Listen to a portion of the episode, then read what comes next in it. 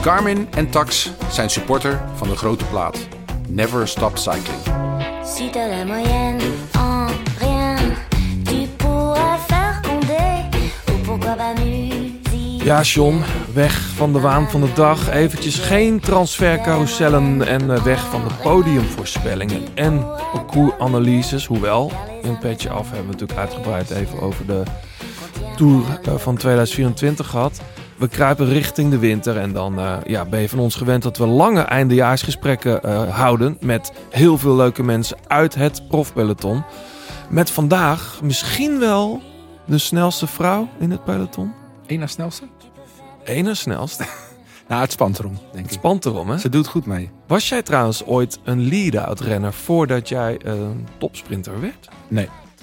Je hebt, je hebt nooit gelead-out? Nee, later eh, eh, in een ploeg met eh, Anthony Teus. Was ook een hele rappe jongen. Daar, dan deden we het om de beurt vaak. Oh, oh, dat was Voor elkaar. afspreken. een beetje ja. afspreken. Maar het is niet dat jij eerst de lead-out was en daarna pas mocht meedoen voor, de, voor, de, voor het echi. Nee, dat gaat in het wielrennen gaat het meestal niet zo. Nee, nou. Meestal word je lead-out als je wat ouder bent. Dus wat dat gaat is onze gast een uitzondering.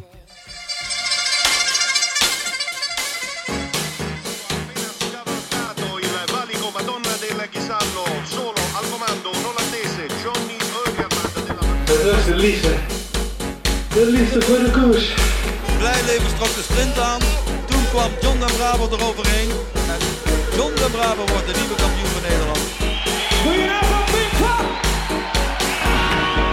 Je luistert naar De Grote Plaats. Een podcast van oud-wielerprof en muziekjournalist John den Braber... en muzikant, zanger en wieler vanuit Blauwtsoen. Zij nemen samen de meest opmerkelijke gebeurtenissen in het profpeloton door... bespreken hun favoriete nieuwe muziek... en gaan op zoek naar het muzikale hart van renners... en het wielerhart van artiesten.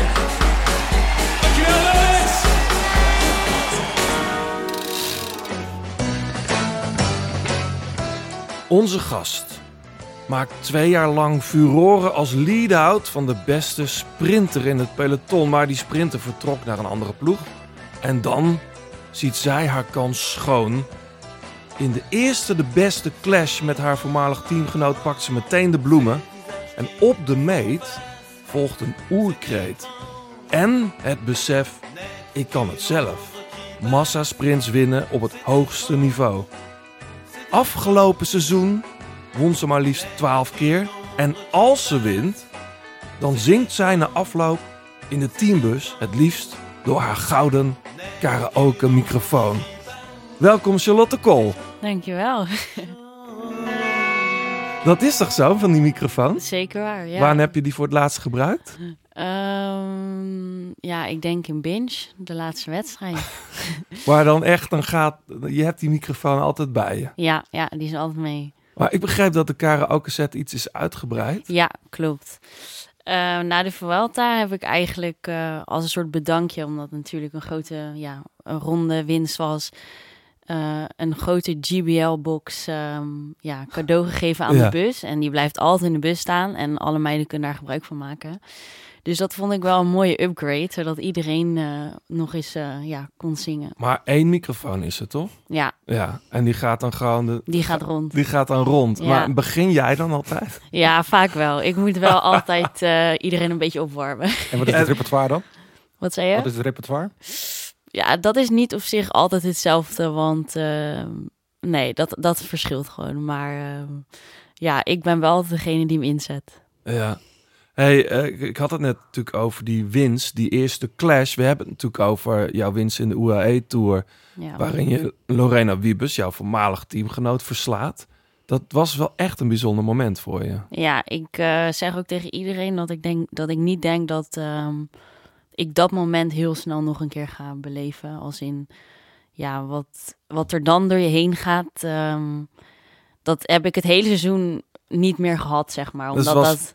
Vrij teleurstellend de rest van het seizoen. zeker, zeker niet. Maar zeg maar, dat is het moment eh, waar je al heel, heel erg lang naartoe werkt. En waar ik echt al jaren mee bezig ben. En als je dan op het allereerste, mo- ja, de allereerste kans die je hebt, dan eh, daar die winst pakt. Ja, dat is echt onbeschrijfelijk. Dus Maar- vandaar ja. ook die oerkreet. Maar is dat ook dat je Lorena dan verslaat? Dat je, dat je weet dat je het kan? ja, ja, tuurlijk. Het is gewoon, ehm, er werd ook best wel slecht over onze ploeg gepraat nadat Lorena, Floortje en Liane weggingen. toen was het van, eh, nou, er gaat echt een eh, slecht jaar worden voor DSM. En dat hoor je natuurlijk, dat krijg je natuurlijk gewoon een beetje onbewust mee. En als je dan met de ploeg, eh, terwijl eigenlijk ook alles helemaal misging, ehm, ja, de eerste kans die je hebt meteen pakt, dat is natuurlijk echt onbeschrijfelijk. Wat zei zij na afloop? Ehm, niet zoveel. Nee. nee. Nee, dat zo kennen we ook wel een beetje. Ja. Ja. Hey, ehm, is het nou zo dat jouw vakantie er al bijna op zit? Want jij hebt vanochtend nog getraind. Je moet hierna ga je weer het krachthonk in. Ja. Dat klinkt niet echt als vakantie meer. Nee, ik heb eh, twee weken echt, echt vakantie gehad. En dan eh, de, ja, de afgelopen twee weken waren wel weer bewegen. Maar dan mocht ik het nog wel zelf invullen. En eigenlijk vanaf gisteren is het eh, schema weer begonnen. En is het gewoon weer hard werken. Ja, want jij vertrekt morgen naar Spanje. Ja. Is dat dan ook meteen voor een trainingskamp? Of, of heb jij daar plannen om te gaan wonen? Ja, ik heb wel plannen om daar heel vaak in ieder geval te zijn. Wonen wil ik niet zeggen. Maar we hebben nu voor een half jaar een huis in Spanje ja, gehuurd. Wie is we? Uh, Milene de Soete, Evie Kuipers en eh, Megan Jasper. Dat is mijn Mhm. één ploeggenootje. Dus eh, we hebben gewoon een beetje om ons heen gekeken wie, wie heeft daar interesse in. En eh, ja, nu eh, een supermooi huis gevonden waar we lekker heel de winter kunnen vertoeven. En dan is er uiteraard gekeken niet alleen naar de, de wegen daar, maar ook naar het klimaat. ja, Dus dan zitten het jullie ergens bij. Kalp of zo dan? Ja, bij Sabia hebben we nu iets gehuurd. Ja. Zat jij daar ook niet laatst Ja, in de buurt? ook geweest. Ja. Ja. Ja. Ja. Moet je wel je klimmersbenen meenemen hoor. ja, is het zo? nou, die, die Cumbria de Sol, die, eh, oh, die zit daar ook. die zit daar ook, ja. Ja, maar die kan je toch ook voorbij Daar rijden? kan je voorbij rijden. Nee, het is prachtig hoor. En er, Ja. er wonen heel veel eh, wielrenners. Ik heb Ja. Van de Poel twee keer gezien. En- Bijna aangereden hoorde ik. Ja, dat klopt ja. Hoe zat dat? Nou ja, wij, eh, onze meisjes gingen een, eh, wandeltrail doen langs de kust. En wij waren koffiewezen drinken. En soms een stouw hellinkje. En dan moet je natuurlijk die weg naar, naar Kalpen moet je opdraaien. Dus op een gegeven moment moet je gewoon een keer gaan. Dus ik zag een fiets eraan komen en een auto. Ik denk, nou, gaat makkelijk. Maar die fiets reed veel harder dan ik dacht. Ja. Dus ik kijk zo, mee dat ik naar links ga, kijk ik zo. Ik zie die regenboog draaien. Ik denk, hé, hey, Mathieu. maar we zaten allebei vrienden en ik zo, Mathieu van de Poel.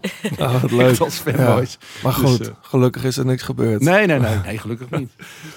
Hey Charlotte, we praten zo uitgebreid met je verder over het afgelopen seizoen. We blikken natuurlijk vooruit. Je hebt hele mooie muziek ook meegenomen. Ehm, eerst John even naar de eh, reacties. Ja, we hebben nog een, nog een boek eh, weg te geven van eh Nando Broers. Het, plan. Het plan. Ja, ging Ja. over de winnaar van de Lo- Lo- Lombardije.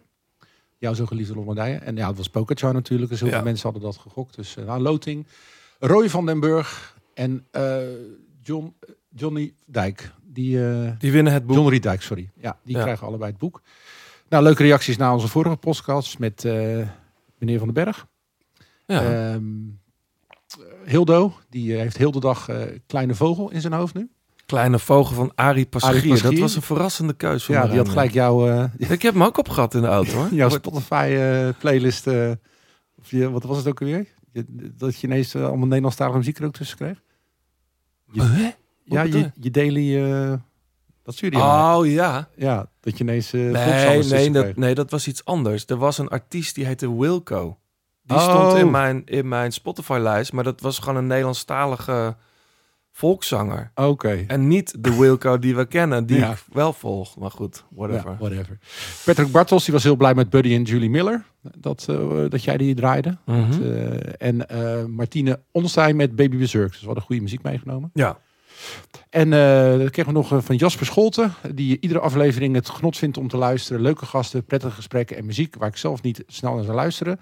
Wel een tip voor ons, eh, voor onze playlist. Dat zijn de Black Puma's. En dat, dat gaat goed komen. Oh, die ga jij... Ja, die ga ik binnenkort meenemen. Dus doe eventjes... Wie wint het shirt? Ja, Jasper Scholten. En doe eventjes onze, onze, via onze socials een berichtje sturen. En dan komt Ja. het 36 shirt van de grote plaat naar je toe. Ja, en dat is dat nieuwe shirt. Wat je trouwens ook gewoon kan kopen. Dan moet je eventjes in de show notes kijken. Ehm, voor onze petje af supporters. En die weten dat die krijgen zelfs 21 euro korting op dat shirt. Ja. Ehm, wil je ook petje af supporter worden? Dan, eh, dan kan dat voor 3 euro in de maand of 30 euro per jaar. En daarvoor ontvang je exclusieve afleveringen. Waaronder een aflevering die nu online staat over het tourparcours van 2024. Ja, nog even één eh, klein detail. Er zijn ook mensen die het shirt al gekocht hebben. Ja. Eh, er was zo'n run op de shirts dat de eerste batch heel snel weg was. Oké. Dus die shirts die komen er binnenkort aan. Die komen deze week binnen. Dus dan komen ze ook naar jullie toe. Nou, heel goed. Je luistert nog steeds naar De Grote Plaat. Heb je tips of heb je een vraag? Laat het dan weten via Twitter, het Grote Plaat of Instagram. En laat een reactie en een beoordeling achter op Apple Podcast. Nogmaals, Charlotte van harte welkom. Zeg je nou Charlotte of Charlotte? Oh ja, dat maakt me echt helemaal Nee? niet. Nee. Wat zeggen je ouders? Eh, Charlotte. Oh ja, Charlotte. Ja. Jij komt, vandaan, je komt nu van je ouders vandaan, denk Ja. ik. Uit eh, Kortenhoef. Ja. Dat is hartstikke mooi landelijk gelegen plekje, toch achter Hilversum? ja, zeker. Heel dicht bij Hilversum. En toch eh, ja, een beetje in de polder, zeg maar. Ja, Eh, ja, een super fijn dorpje. Ja. ja. Ehm, ik, ik had een openingsvraag voorbereid, maar het is eigenlijk geen vraag. How are you? What are we gonna do today? How are we gonna do that? ja. Wat is dat? Ja, we hebben dus eh, aan het begin van het jaar, afgelopen winter eigenlijk, eh, met de ploeg een soort jel gemaakt. En ehm, ja, die, ja, dat wordt gewoon iedere wedstrijd in de bus heel erg hard geroepen. En ik weet zeker dat als je dicht bij de bus staat, niet eens dicht, maar in een straal van 100 meter, dat je dat ook kan meeluisteren. Dat klopt. Ja. Ja. Ik heb toevallig eh, de proloog die jij won in Ede. Toen stond ik heel dicht bij jullie bus. Ja. Ik heb die jel niet gehoord. Maar wat, ik, wat me wel... Gaat het, John? Verslik me. Oh, het is al... Vind je het zo'n spannend gesprek al? Ja, ik Ja. zit te smullen. Nee, maar ik vond het... Wat ik heel, wat ik heel grappig vond... En mooi om te zien, eh SD Work stond ook in de buurt bij jullie. Jullie hadden de bus ergens in een woonwijk staan Mhm. langs het parcours. En dat tijdens eh, de proloog, dat, dat ploeggenoten echt staan aan te moedigen aan de kant. ja. En dat, ik heb dat bij andere ploegen, zag ik dat eigenlijk niet. Dat vond ik toch bijzonder om te zien. Het gaf wel een soort teamgevoel. Ja, nee, ik denk dat je dat goed gezien hebt. Ik denk dat ehm, het echt heel bijzonder is wat voor een ploeg wij eigenlijk hebben. Omdat wij ehm, echt heel erg close met z'n allen zijn. En dat eigenlijk eh, iedereen echt wel gewoon ehm, ja, in de ploeg heel erg gewaardeerd wordt. En eh, we hebben best wel te maken natuurlijk met verschillende karakters en verschillende persoonlijkheden. Maar ik denk dat dat bij ons echt allemaal super goed klikt. En dat we echt een team zijn en dat iedereen echt heel erg goed weet ja, wat zijn of haar taak is.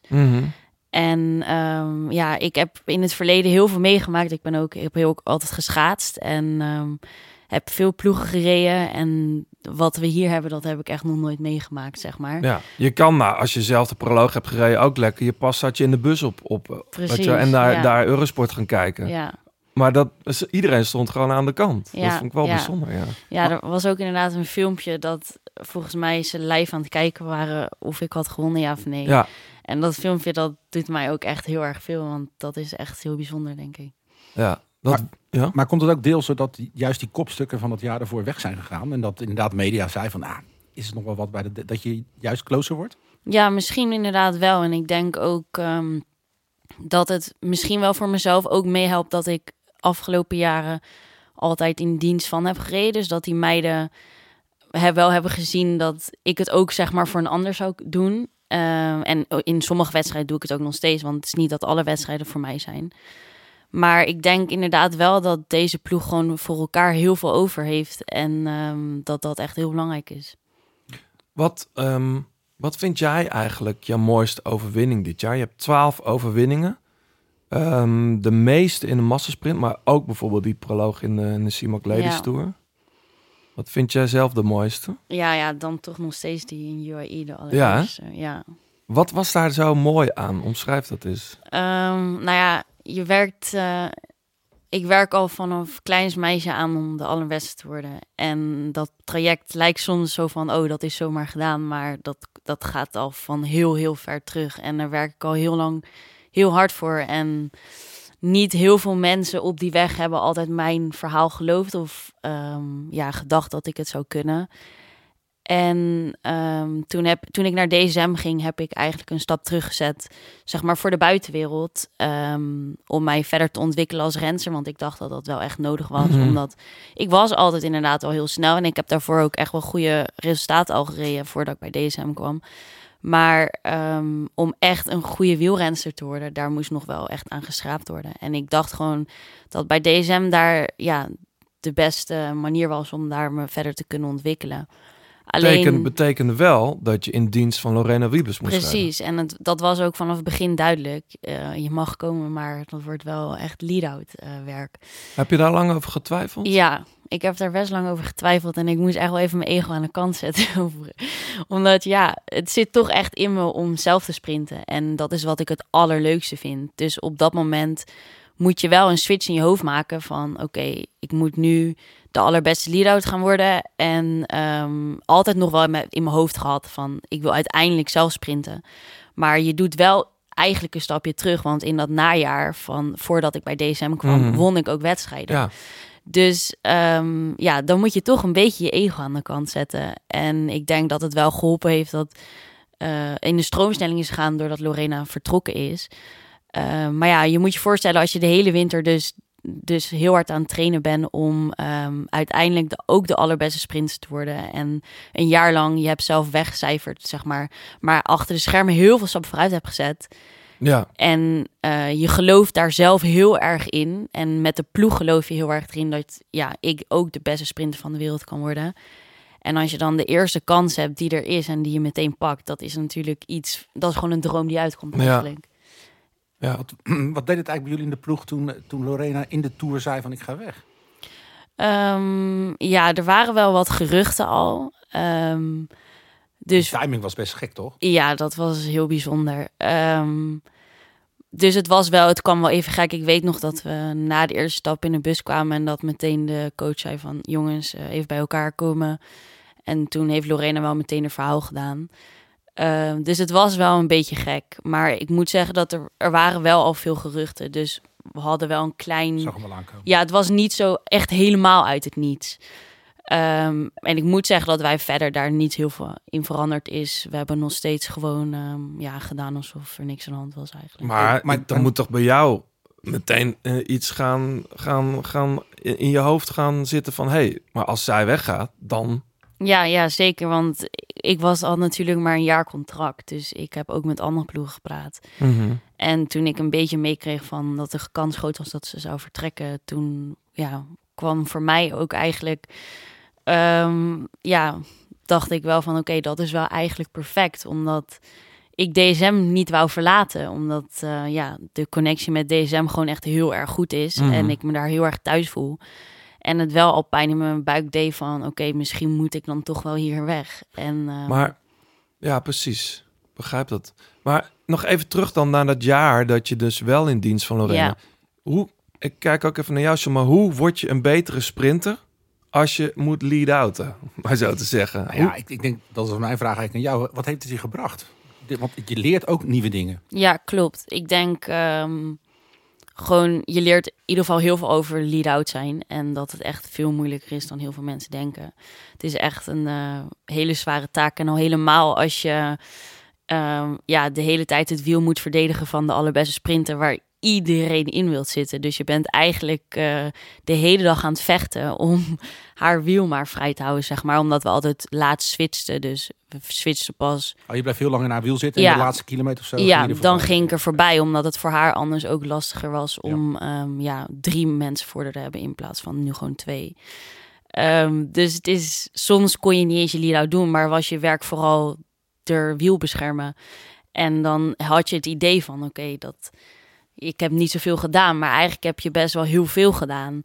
Ehm, dus waar, ja, ik heb heel veel geleerd van ook vanuit, vanuit haar en ook ehm, hoe zij dingen benadert. En ehm, heel veel finales gereden op hoog niveau natuurlijk. Dus heel veel kennis opgedaan. En maar ik denk vooral dat door bij DSM te komen, ik gewoon fysiek heel veel stappen heb gezet. En dat dat het allerbelangrijkste was. Veel, eh, veel ruzie gehad ook?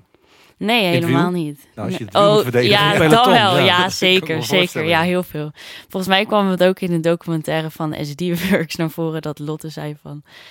Ja, Lotte Ko- Kopecky ja. had iets gezegd over mij of zo. Maar, Ja. dus ja.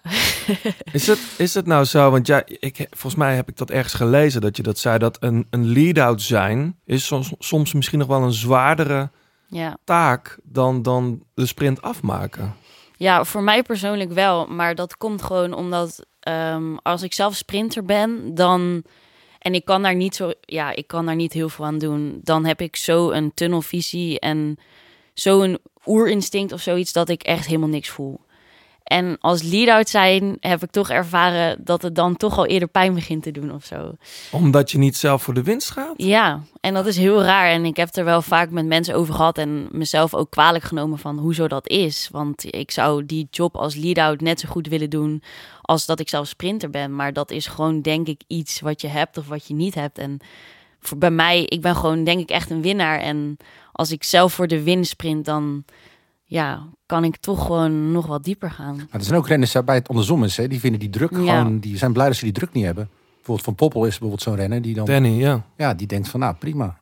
Ja, Maar ik denk het grootste verschil met een lead-out of een sprinter, als je lead-out bent, eh, niet als je achter iemand zit, maar als je voor iemand zit dan, dat als je als sprinter een gaatje ziet en je kan er doorheen, dan is prima. Maar als je lead-out bent, dan moet je continu denken, kan degene achter mij er ook ja, nog je door? bent verantwoordelijk. ook. ja, dus die- dat is heel anders, eh, anders rijden. Is het nou zo dat jij eh, misschien vorig jaar al, als het head-to-head was geweest, een keer van Lorena had kunnen winnen? Eh, ik heb in training wel een keer, een aantal keer, Ja. dat we waren heel gewaagd aan elkaar, maar het is wel een keer gebeurd dat ik iets sneller was. Maar nog steeds denk ik dat, ehm, ja, afgelopen jaar, eh, nou ja, dat seizoen ervoor dan, eh, Lorena daar echt wel de beste optie was. Ik bedoel, eh, wat ze daar ook allemaal gewonnen heeft. Heb je de teller trouwens bijgehouden van dit jaar? Hoe vaak Eh, hebben jullie tegen elkaar gesprint? Zes keer misschien? Nee, dat weet ik niet precies Nee. eigenlijk. Nee. Volgens mij staat het 3-3. Kan Al- wel. Als het om sprints gaat. heb ik- Hey, en Nou, hoe, mooi. Hoe, hoe, hoe verschillen jullie van elkaar? Want in mijn idee, zij heeft een hele goede aanzet. Ja. En jij bent echt van de laatste jump, toch? Meer? Eh, dat dacht ik eigenlijk eerst ook altijd. Maar ik denk dat ik misschien nu gewoon sowieso wel nog net iets explosiever ben. Ehm, vooral als je dan in UAE kijkt, dan ehm, ja, lijkt het op een of andere manier op dat mijn aanzet ook wel echt veel sneller is geworden. Dus dat vind ik echt lastig te zeggen. Maar ehm, Maar je kan de laatste 50 meter, denk ik, altijd wel flink wat Ja. trein nog goed maken. ja, ik kan wel nog doorversnellen. Ja. Ik blijf zeg maar doorversnellen. Ik heb dit jaar nog niet ervaren dat ik stil ben gevallen. Nee. Hey, jij, jij zei net al je, dat je geschaatst had. Ja. Ehm, niet gaan hockeyen terwijl je uit het gooi komt. Nee, mijn zusje wel. Oh ja. hey, maar ehm, ook best hoog niveau geschaatst, denk ik. Ja. Volgens mij zat jij nog in die, in die generatie met Jutta Leerdam of zo? of niet? Ja, Jutta en Joy. Ja, ja goede generatie. Hoe ben is je uiteindelijk dan toch op de racefiets terechtgekomen? Ehm, ja, ik denk dat schaatsen vond ik echt, echt fantastisch sport nog steeds. Als ik het kijk, het is echt een hele, hele mooie sport. En ik heb daar ook heel veel aan te danken. Ik denk dat dat echt zeker weten mijn basis is. Daar heb ik echt geleerd wat topsport is, zeg maar. Hm. Ehm, Wat was je afstand? De 1500 meter. En eh, ja, sprinten kon ik echt niet op de schaats. Maar sprinten als wielrenner is wel Mhm. anders. Ehm, en ehm, op een gegeven moment met schaatsen is het echt heel erg technisch. En je kan heel sterk zijn, maar als je technisch niet goed rijdt, dan ehm, kan, je net zo, kan je zo sterk zijn als je wil, maar dan kom je gewoon ja, niet vooruit, zeg maar. Dus ehm, op een gegeven moment, als je net verkeerde begeleiding krijgt of net verkeerde trainers, dan is het best wel lastig om ja, tegen die echte toppers die alle faciliteiten al krijgen, om daar echt ja, die aansluiting mee te maken. En op een gegeven moment, als je dan ehm, ja, bij een commer- commerciële ploeg komt of daarvoor andere grote ehm, ja, talentencentrums die gewoon iedere dag op het ijs stonden. Ik Ja. moest het doen met drie keer, op, in drie keer in de week, waarvan één keer op Amsterdam. Als het regende, Ja. word je helemaal nat gericht en het ijs was niet goed. Dus daarin ehm, denk ik dat de mogelijkheden gewoon niet heel goed waren. En ik denk ook gewoon dat mijn talent daar minder was dan op de fiets. En wanneer heb je echt die, die switch dan gemaakt? Hoe oud Ehm, was je toen? Ik denk toen ik eh, begon met studeren, dus na mijn HAVO, heb ik echt een switch gemaakt. Ik weet niet hoe oud ik toen precies was, maar eh, vanaf belofte denk ik. Ja. Toen heb ik eerst nog wel, moet ik eerlijk zeggen, een jaartje heel erg genoten van mijn studentenleven. Heel goed. ja, dus dat heb ik wel allemaal al meegemaakt en weet ik ook wel dat dat heel waar leuk waar is. studeerde je? Eh, ik dus studeerde in Amsterdam eh, bouwkunde. Dus dat was echt heel erg leuk. Maar ik weet nu ook wel dat dat leuk voor een jaartje is. Maar dan houdt het ook wel weer op. Hmm. Ehm, en toen op een gegeven moment ben ik echt de switch gemaakt toen ik naar Next ging. Toen was het echt oké, nu alles op het fietsen. Ja. Ja. Maar dat is dan toch nog best snel gegaan. Ja, dat het je is ook zeker op daar op niveau Ja, Fietste. klopt. Ja, Ja. ja. Ehm, jij woont het meest, ja, het merendeel van het jaar in Limburg, hè? ja. Dat zijn met een, heb je dan een eigen appartement? Wat zijn appartementen van de ploeg, begrijp ik? Ja, we hebben het eh, Keep Challenging Center in eh Sittard. En Ja. dat is... ehm, Het Milanello van DSM. Ja. Ja. en dat is eigenlijk een grote straat met, ehm, ja, ik denk in totaal wel twintig appartementen. En ieder appartement heeft zijn eigen slaapkamer, badkamer, ehm, keuken. Alles zit eigenlijk, ja, zit erin. En En s ochtends gaat in die straat gaan alle deuren open. En dan komen er allemaal wielrenners uit die gaan ja, trainen, toch? Ja, klopt. Ja. Maar het is echt een super mooie mogelijkheid. Want je kan, als je wilt, met iedereen trainen die je wil. En, eh, of avondeten of gezellig iets doen. Maar als je geen zin hebt in iemand, dan is het ook goed. Ja. Want je komt dan ook weer niet zo erg je buren tegen. Nee. Dus het is Maar je echt buren, dat zitten ook jongens aan de, van de mannenploeg, Ja, toch? klopt. Vooral de opleidingsploeg. Ja. Niet zozeer van de World Tour, maar eh, de opleidingsploeg.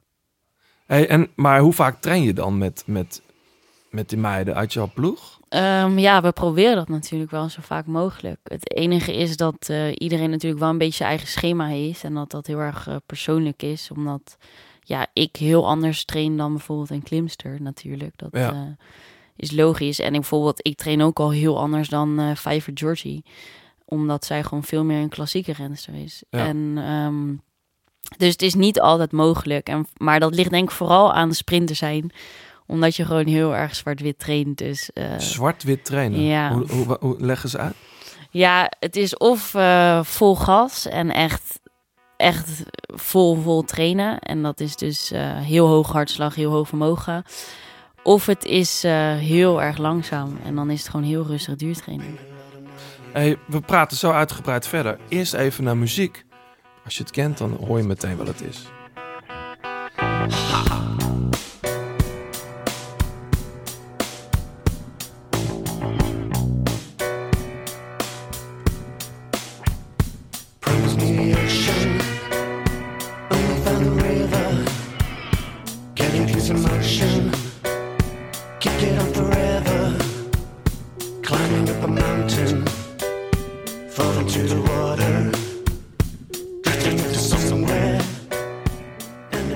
Ja, John.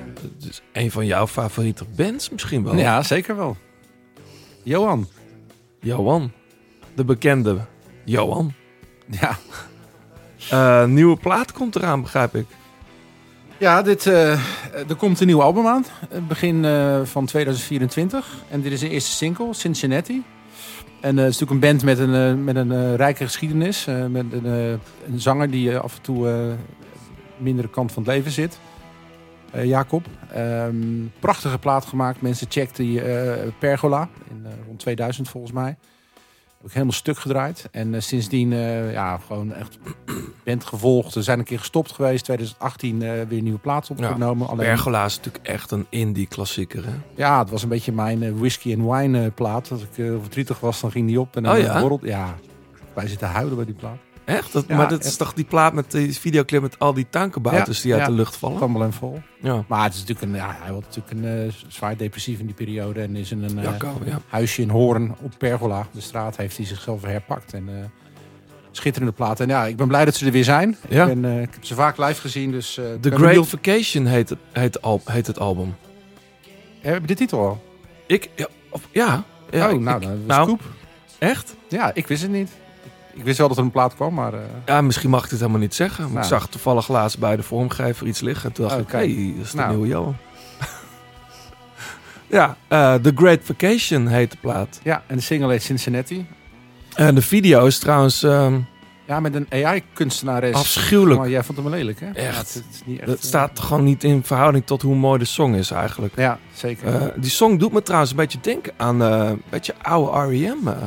ja, snap ik wel. Vroege R.E.M. Ja.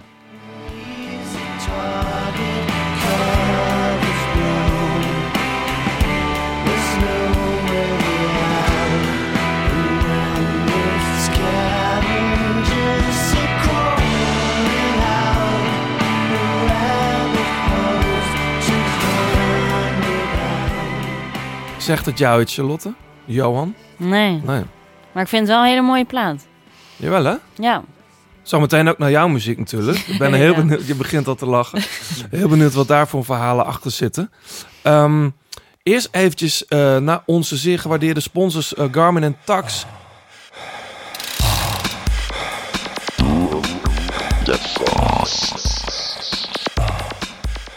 Ik ben benieuwd of, eh, als je dit luistert, of je hem al gedaan hebt. En dan bedoel ik natuurlijk eh, de Tax Workout. De murder Eh, workout. ja, ik, ik vind hem best wel heftig. We hebben samen met Mathieu Heijboer van Jumbo-Visma een tax workout gemaakt. Eh, diegene die nu, of dit, dat ding dat nu online staat, is ehm, bedoeld om je, ehm, Basisconditie je te verhogen. basisconditie te verhogen. En hij zei ergens in een bijzin... Ja, je kunt natuurlijk een hele dag lang rustig fietsen... maar je kunt ook een uurtje dit doen. Toen dacht ik, ja, als dat echt zo is, Ja. ga maar doen dan. Ehm, maar ja, goed. eh, heb jij hem al gedaan, John, of niet? Nee, nog niet. Nee. Is het nodig voor je al? Want het is natuurlijk nog vroeg in de winter. Het is november. Ja. Ja, maar ik, Mathieu heeft me wel een beetje bang gemaakt. Nou ja, het is een uur. ik vind het is een uur afzien. Ja. Eh, aan de andere kant er zitten ook eh, genoeg herstelblokken in. Met deskundig commentaar. En het, de muziek die, die komt van ons. Ja. Die is wel redelijk afgesteld op het aantal BPM's. Of, of nee, het aantal. Hoe zeg ik dat nou? Ja, BPM. Ja, maar de, de, de cadans. Ja, de cadans, ja. Ehm, er staat er dus nu één online en die is dus gericht op het vergroten van je basisuithoudingsvermogen. En eh, zoals jullie weten, los van tax is Garmin natuurlijk een heel ecosysteem. De edges die, we die, ja, die heel veel eh, van jullie al gebruiken. De smartwatches zag ik laatst ook weer bij iemand om. Ik loop er zelf niet. Ik loop sowieso niet met een horloge. Heb jij, heb jij een horloge om? Nee, nu niet. Nee. Gebruiken jullie Garmin eigenlijk bij deze? Nee. Niet meer, hè? Wahoo. Ja. Ehm, de tax fietstrainers zijn natuurlijk bekend. En natuurlijk, eh, en die zijn in deze tijd, dat willen we nog eh, steeds ja, willen we extra benadrukken. De Varia radar achterlichten. Eh, als je een Garmin gebruikt dan, en je wil ook gewoon in deze tijd ook nog de weg op. Het is wintertijd, dus eh, koop zo'n lampje, want eh dat is gewoon super veilig. Wist je dat ze in Spanje verplicht zijn? Wat? Op de lampjes. Op de racefiets ook? Racefiets, die moet je, moet je op. Oh, Iedereen, he- iedereen heeft ze ook. Ja, ik hoor ook iets nieuws. Nou ja, op zich. Ik, het Ja. is natuurlijk... eh, Als je daar gaat fietsen, heeft iedereen zo'n lampje. nou ja, pr- prima. Ik heb hem op mijn, op mijn, eh, mijn gravelbike, mijn koppel, heb ik ook standaard gaan een lampje zitten. Ook als het eh, licht is. Je traint later. Train laat, ja. Weer even, ja. Nee, maar het, nee, maar het is... eh, 's Nee, ochtends het is voor de veiligheid. Is het gewoon, zeker als je, in Spanje snap ik het helemaal. Waar de automobilisten trouwens heel erg veel rekening houden met, eh, met fietsers. Maar Is dat daar- zo? Ja, daar staat een boete van ook 300 euro als je kort langs een, eh, een fietser rijdt. Echt? Ja, daar zijn ze echt panisch voor daar. Nou ja, terecht. Ja, dus daar, eh, daar kan je heel makkelijk... Ja, Gavea, waar eh, Charlotte heen gaat, daar kan je echt, eh, echt heel lekker fietsen. En, eh, maar je hebt ook veel tunneltjes. En daar Ja. is het natuurlijk donker en zo'n lampje geen overbodige luxe voor je eigen veiligheid. De grote plaat Dilemma's. Ehm, Charlotte, jij luistert wel eens naar de grote plaat. En dan weet jij ook dat we eh, met onze gasten de grote plaat dilemma's doen. Ja. Ja en nee met Charlotte. Ehm, voor de mensen die het niet weten. ehm, we noemen een aantal stellingen of dilemma's op. En ja mag en nee. Je moet reageren met ja of nee. Of je kiest één van de twee kwaden. Of goeden. Ben je er klaar voor? Ik ben er klaar voor. Als ik nooit een rit in de Tour win, is mijn carrière niet geslaagd. Nee. Fabio Jacobsen of Dylan Groenewegen? Ehm Fabio Jacobsen. Elisa Balsamo of Lorena Wiebes? Elisa Balsamo. Soms moet je in het peloton een beetje een klootzak zijn. Ja. Topsport combineren met een opleiding is onmogelijk. Ja. Korte Hoef of Limburg?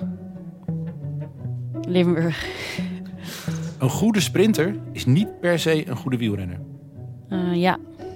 Op een dag doe ik mee voor het podium in Parijs-Roubaix. Ja. Een sporter die niet egoïstisch is, haalt nooit de top. Ja. Pannenkoeken of pizza? Pannenkoeken. Bioscoop of Netflix? Bioscoop. Gravelen hoort niet thuis in een grote ronde. Nee. De renners zijn meestal gevaarlijker dan het parcours. Ehm, ja. Ik luister liever naar mijn lichaam dan naar mijn trainer. Ja. Op 12 augustus 2024 trek ik in Den Haag een een gele trui aan. Ja. Wil je nog ergens op terugkomen? Dat is wel Eh, duidelijk in ieder geval. hè? Ik moet zeggen, het was, eh, ik heb wel moeilijkere dilemma's bij jullie gehoord. hoor. Ja, Dus eh, ja. nee, eh, even denken. Ehm, ehm, Nou, anders weet ik er nog wel een. ja. Nou, jij zegt, dat was de allereerste. Als ik nooit een rit in de Tour win, Oh, ja. is mijn carrière niet geslaagd. Daar ben je het mee eens. Ja. Hoe vaak denk jij nog aan die zesde etappe in de vorige Tour? ja, die doet wel pijn. Maar ik moet nog Ja, steeds... daar ga je iets te snel over.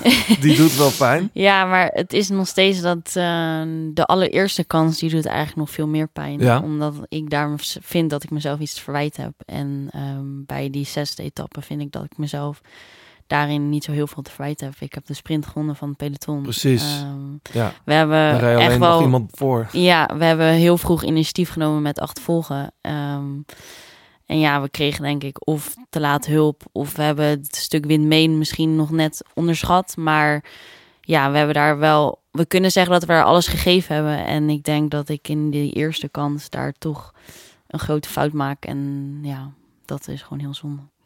Wordt er dan gevloekt in de bus achteraf? Of- ja, zeker weten. Ja, Maar, maar bijvoorbeeld, kijk, die eerste keer kan ik me nog voorstellen, dan ben je ook heel pissig op jezelf. ja vooral mezelf. Ja, Ja. ja. Maar die, maar die zesde rit, heb Ja. je, dan neem je dat voor een deel de ploeg kwalijk? Of hoe, hoe gaat het Nee, dan? nee, nee, ook eigenlijk helemaal niet. Ehm, ja, je baalt gewoon heel erg. En op zich verwijt ik dat ehm, helemaal niemand. Ik denk dat gewoon ook degenen die op kop reden gewoon heel erg eh, sterk waren. En er is ook een moment geweest dat ik zelf ehm, gelost was op het klimmetje. En daardoor heeft de ploeg natuurlijk wel eh eventjes moeten wachten met echt achtervolgen. Dus ja, misschien ligt daar die ene seconde.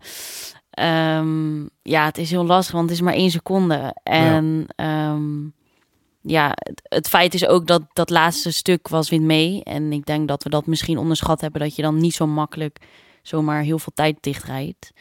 Ehm, maar ja, die meiden hebben echt alles gegeven. Dus ehm, ja, het is wat het is. Ja, Wel een mooie winnares die rit, toch? ja, zeker. Ja, zeer verdiend. Ja, dat kan ik zeker zeggen. Ja. Ja. Maar ik had hem liever zelf gepakt. Ja, natuurlijk. Wil jij nog ergens op terugkomen? Ehm, even denken.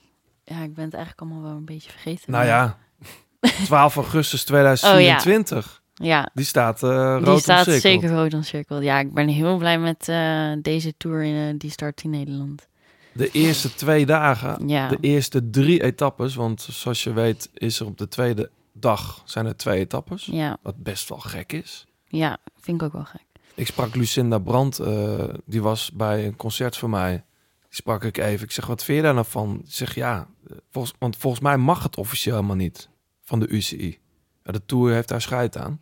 En volgens mij mag het helemaal niet meer in een grote ronde. Vroeger was dat eh, heel ja, een grote ronde. Maar het begint met een korte rit die Ja. waarschijnlijk eindigt in een massasprint. Ja, En vervolgens is er een hele korte tijdrit. ja. Dat zijn twee ritten die jij kan winnen.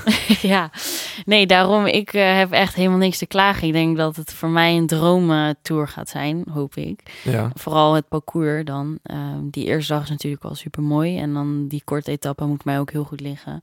Eh, en die proloog is, eh, die proloog die geen proloog is. nee, Ja. wel zes kilometer nog. En ik heb gezien, het is niet heel technisch. Dus eh, best wel veel rechtdoor nog. dat is een understatement inderdaad. Ja. Ja, dus ehm, ja, maar ja, ik ga er maar heel erg hard mijn best voor doen om ook misschien een langere proloog aan te kunnen. Ja, ja. Hoe, hoe is dat trouwens bij, bij jullie? Want de- voor de mannen is de Tour echt een, een wedstrijd die op zichzelf staat. Veel zenuwachtiger, veel groter belang is. Wordt er bij de vrouwen ook zo? eh, Wordt er anders gekoerst? ja, ik denk het wel. Ik denk dat je eigenlijk juist zag, ook afgelopen jaar, waarom de vlucht iedere keer haalde. Omdat ehm, ja, er heel anders gekoerst werd dan normaal. Ik bedoel, het hele jaar is dat nog nooit gebeurd. En nu ineens is het oké, het is de Tour, dus probeer maar gewoon. En dan zie je dat eh, ze het heel erg lastig kunnen maken voor de sprintersploegen. En ik denk ook het parcours afgelopen jaar was natuurlijk gewoon heel erg lastig. Dus dat was ook wel het voordeel voor de vluchters. Maar ehm, ja, zeker weten, het is groter dan groots. Het is echt eh, met geen wedstrijd te vergelijken. Ja. Lucinda die, eh, die had het over, eh, die hoopte, want die traint natuurlijk ook daar in de buurt. Die komt uit Dordrecht. Die had het heel erg over dat ze hoopt jullie kennen, jullie hebben het altijd over de wind als je daar fietst. Eh, dat er misschien wel waaiers kunnen gaan komen in die eerste rit. Ja, dan kun je lol op.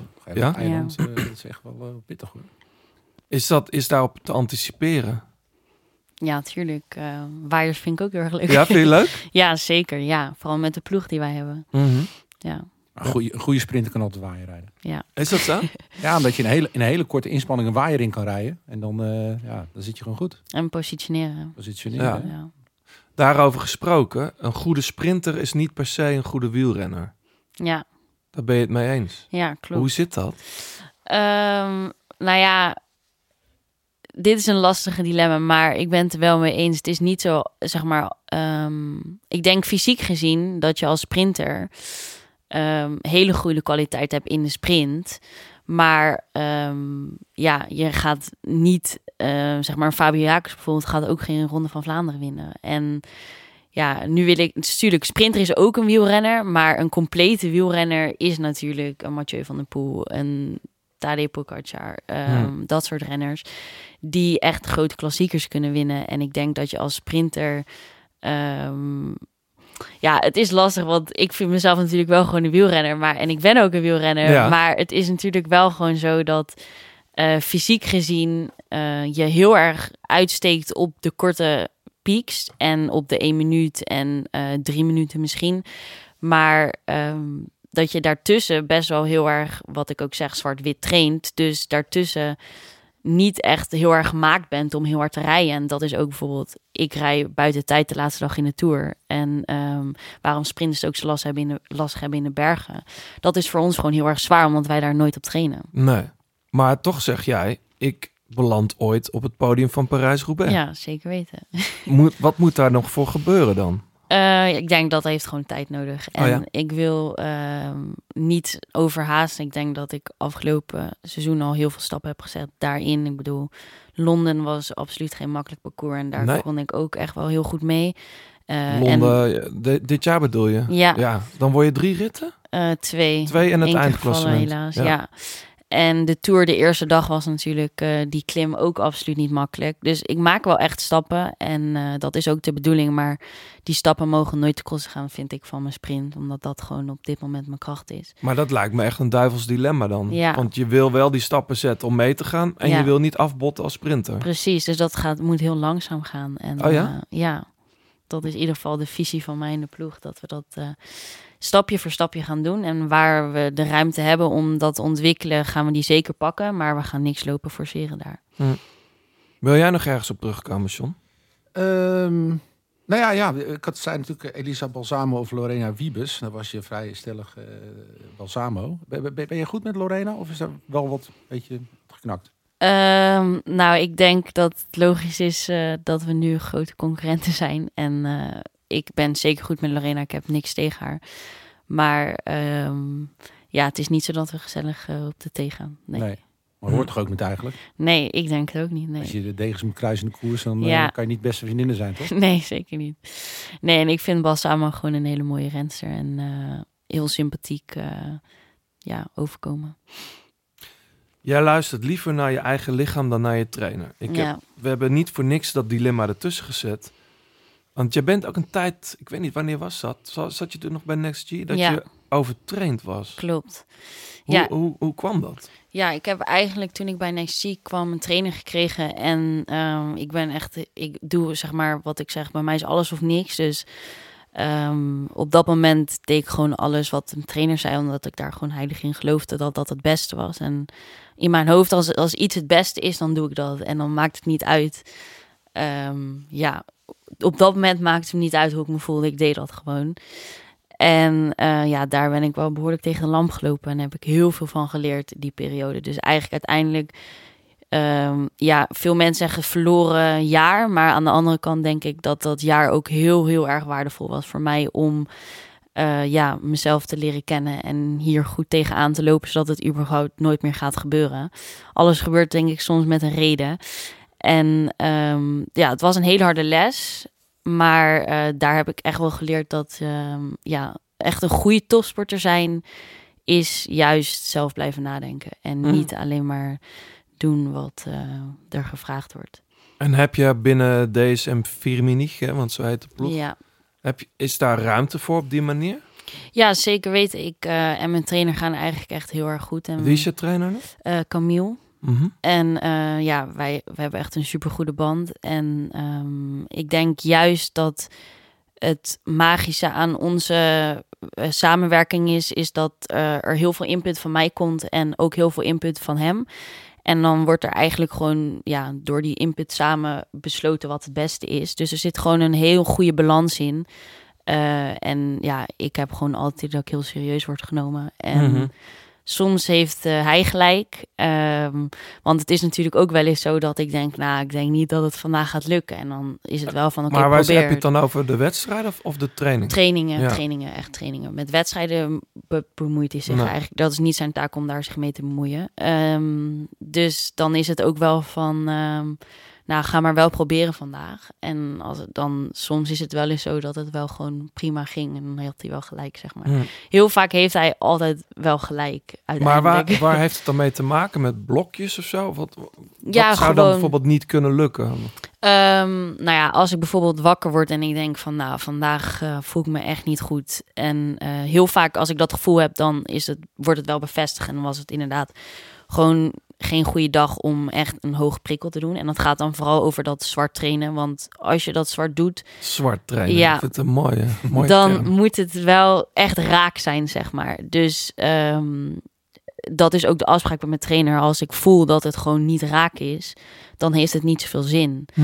Het, je moet zeg maar fris genoeg zijn om die prikkel aan te kunnen, want Ja. dan heeft die effect. Als je Ja. niet fris genoeg bent, dan heeft die prikkel Ja, eigenlijk dat, geen is, effect. dat, dat zegt uh, Mathieu in onze tax workout nog. Van, Mhm. dat, dat doet hij zelfs eerst een test.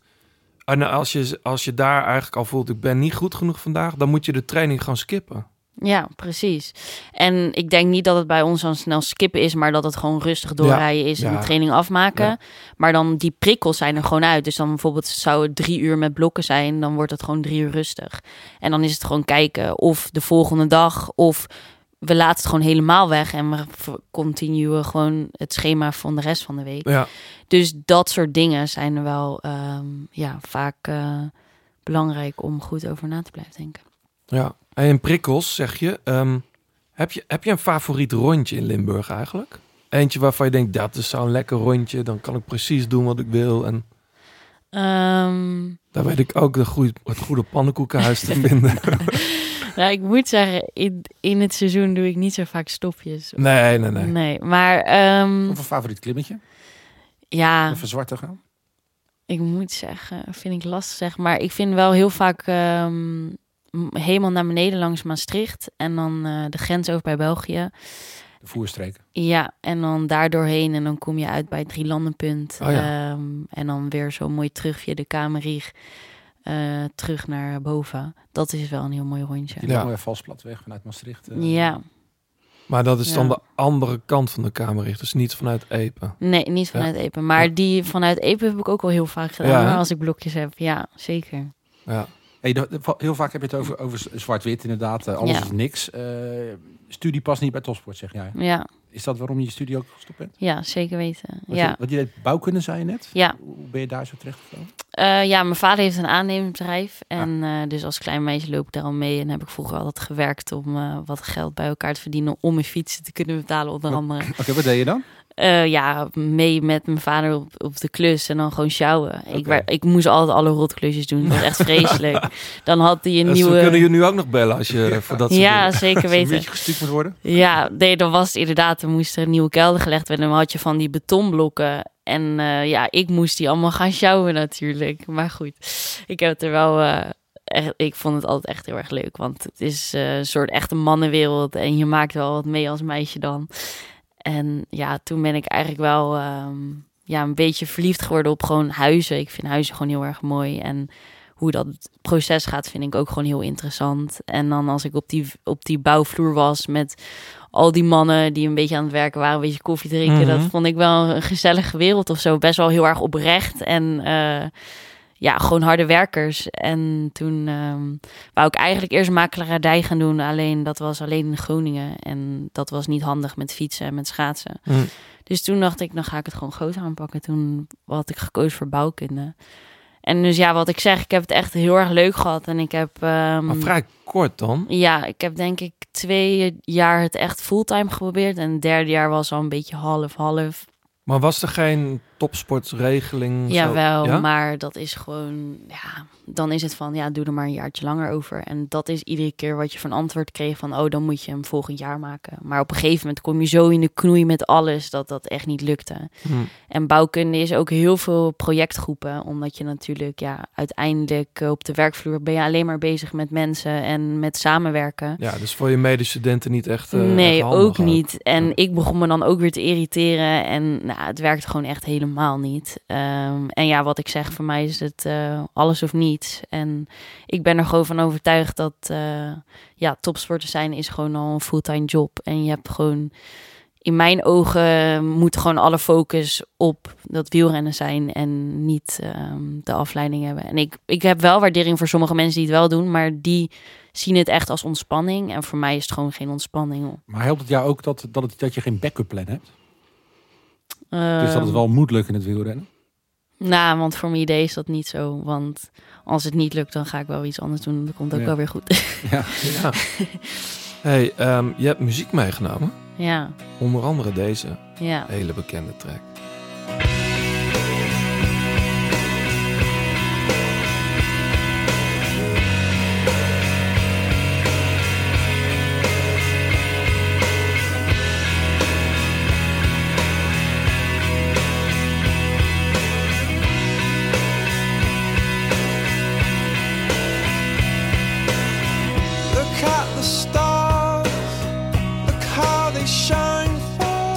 Mij wel nog nooit Coldplay gehad. Nou, dat denk ik wel. Nee, Snow Patrol hebben we gehad. Het lijkt er een beetje op. Draai je dit nog veel, Charlotte? Ja, Ja? Best wel een oude track al. Ja, ik, deze plaat, dit album Parachutes was geweldig. ja. Ja, hier zit natuurlijk ook weer een mooi verhaal achter. Deze draaiden we in de, ja, in de Tour de France eh, al bijna iedere dag. En dan, Dromen van het geel. ja, Ja, en gewoon, we zongen het met z'n allen mee. En hij, komt, hij raakt echt of zo. Hij Ja. komt echt mooi binnen en het is mooi om mee te zingen. Dus ja, wel een mooie herinnering aan. ja. Dit is ook de track die je dan op 12 augustus eh, zou Ja, kunnen aanzetten. Deze hopelijk. precies past perfect. Ja. Maar kende je het daarvoor ook al wel? Eh, ja, ja, zeker. Maar Het is ook een wereldhit. ja, Ik vind het een heel mooi liedje. Ik vind het alleen productioneel, maar dat schrik ik wel vaker van platen uit die tijd. Dat ik denk, huh, het klinkt helemaal niet zo vet of zo. Maar, maar de song is wel te gek. En een mooie video ook, ken je die? nee, die ken ik niet. Heel simpel, eh, hij loopt gewoon over het strand, één shot en... eh, You know I love you so.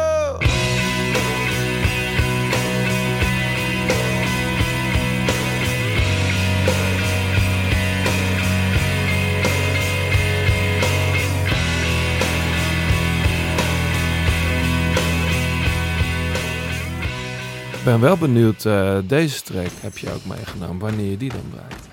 Ja, dit is dus ehm, in combinatie met ehm, de Jel is dit het laatste liedje wat gespeeld wordt voordat we de bus uitgaan. Oh ja? Ja, Altijd? altijd. Wauw. Ja. Kent Holders. Ja, Can't Hold Us. Return to the Mac. Get up what it is, what it does, what it is, what it isn't. Looking for a better way to get up out of bed instead of getting on the internet and checking a new hit. Me get up. First shot, come strut walking. A little bit of humble, a little bit of cautious. Somewhere between like Rocky and Cosby's for the game. Nope, nope, y'all can't copy yet. Bad. Move Zitten hier dan ook dansjes bij in de bus? Of Ja, ja, Ja? zeker. zijn daar beelden van? Eh, vast wel.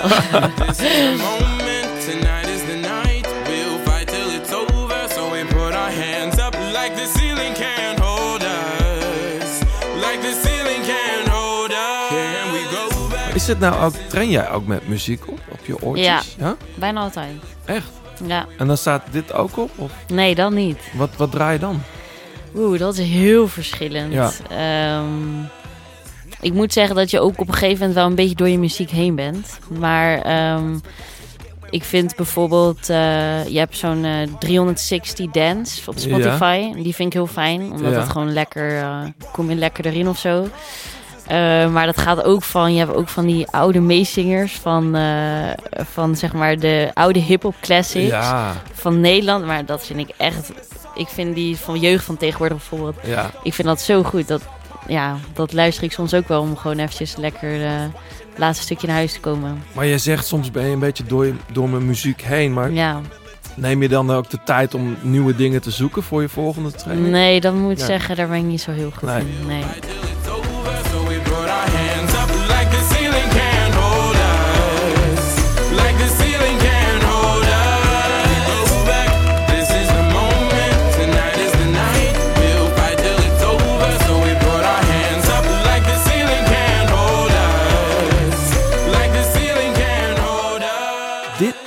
Dit draai je denk ik niet op de fiets. nee.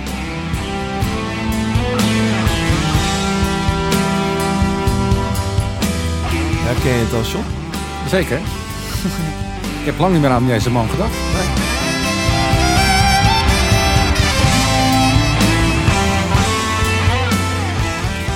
Ja, jij, jij wilde per se de live versie. Ja. Is dat deze versie? ja, volgens Ja. mij wel. Uit 2010? Ja. Eh, je hoort zo hoor wat het is.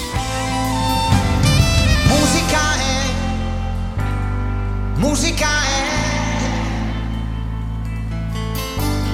musica è, musica è. yeah.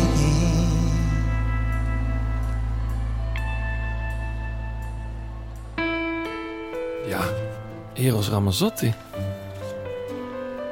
Ja. Eh, hoe, hoe, kom je, hoe kom je daarbij? ja, dat is mijn vader. Ehm, dit is echt het favoriete liedje van mijn vader. oh ja? Ja, en eh, daar heb ik gewoon...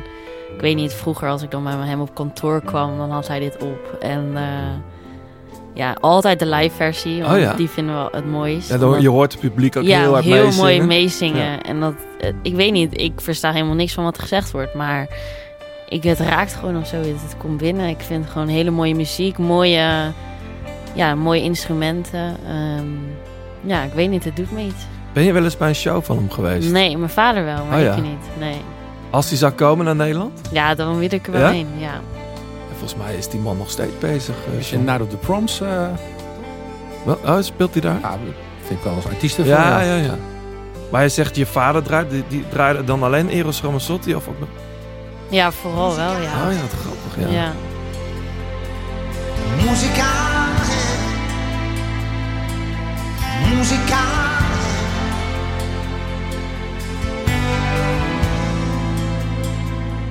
Io sento ancora le voci della strada dove sono Deze hele versie duurt 7 minuten en 6 Ja. seconden. Gaan we niet helemaal draaien. Maar hij Nee. staat straks natuurlijk weer in de... In die tijd had je best wel veel Italiaanse artiesten in de pop. eh, Laura Pausini had je in die tijd. Ja, Sugro Fornaciari. zeker. Dat is allemaal 90s of zo?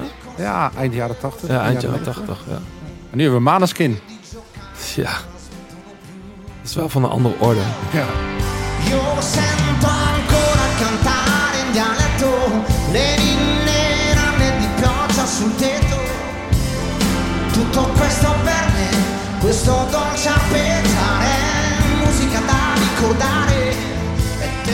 Maar het is wel grappig hoe jij dat... Jij hebt dan de associatie met van je vader vroeg op kantoor.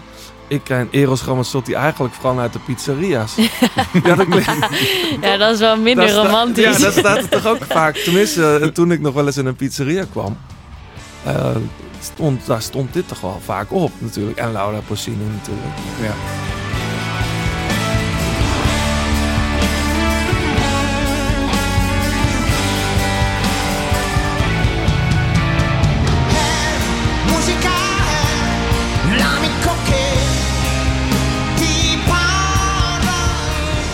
Maar ik begrijp wel waarom je dit niet thuis je trainingen eh, laat. Nee. Nee.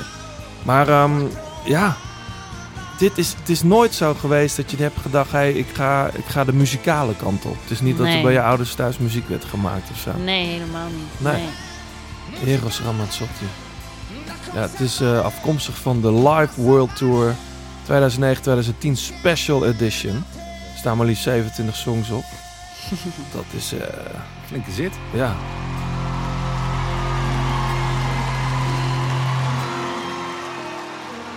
Leuk.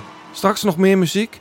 Ehm, eerst eventjes eh, terug naar jou, Charlotte. Je hebt al een beetje verteld over hoe je woont, waar je woont. Maar je gaat dus naar Spanje. Ja.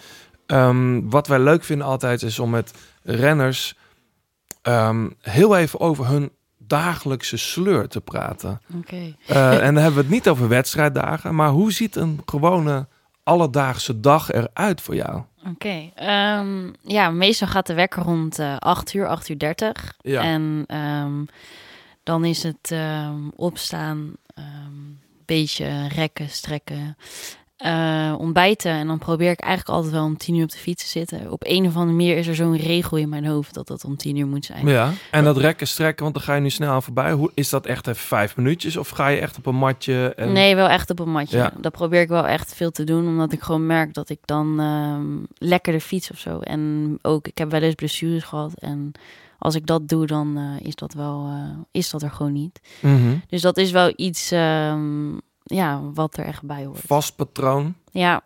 En dan ook al muziek op?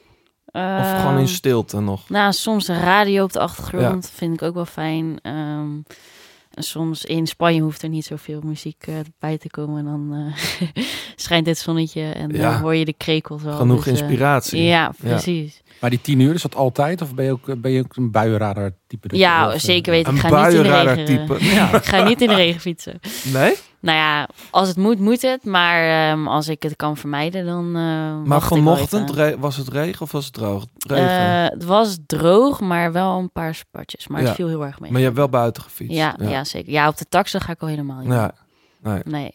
dat vind je niks. nee, dat vind ik echt het ergste wat er is. Dan ga ik liever nog drie uur in de regen fietsen. Echt. Ja, Ja, ja ik, ik weet niet, maar ik vind dat echt... Nee. grappig, ja. Ook geen Zwift of zo? Was nee, geprobeerd, maar ik hou dat echt niet lang vol. Nee.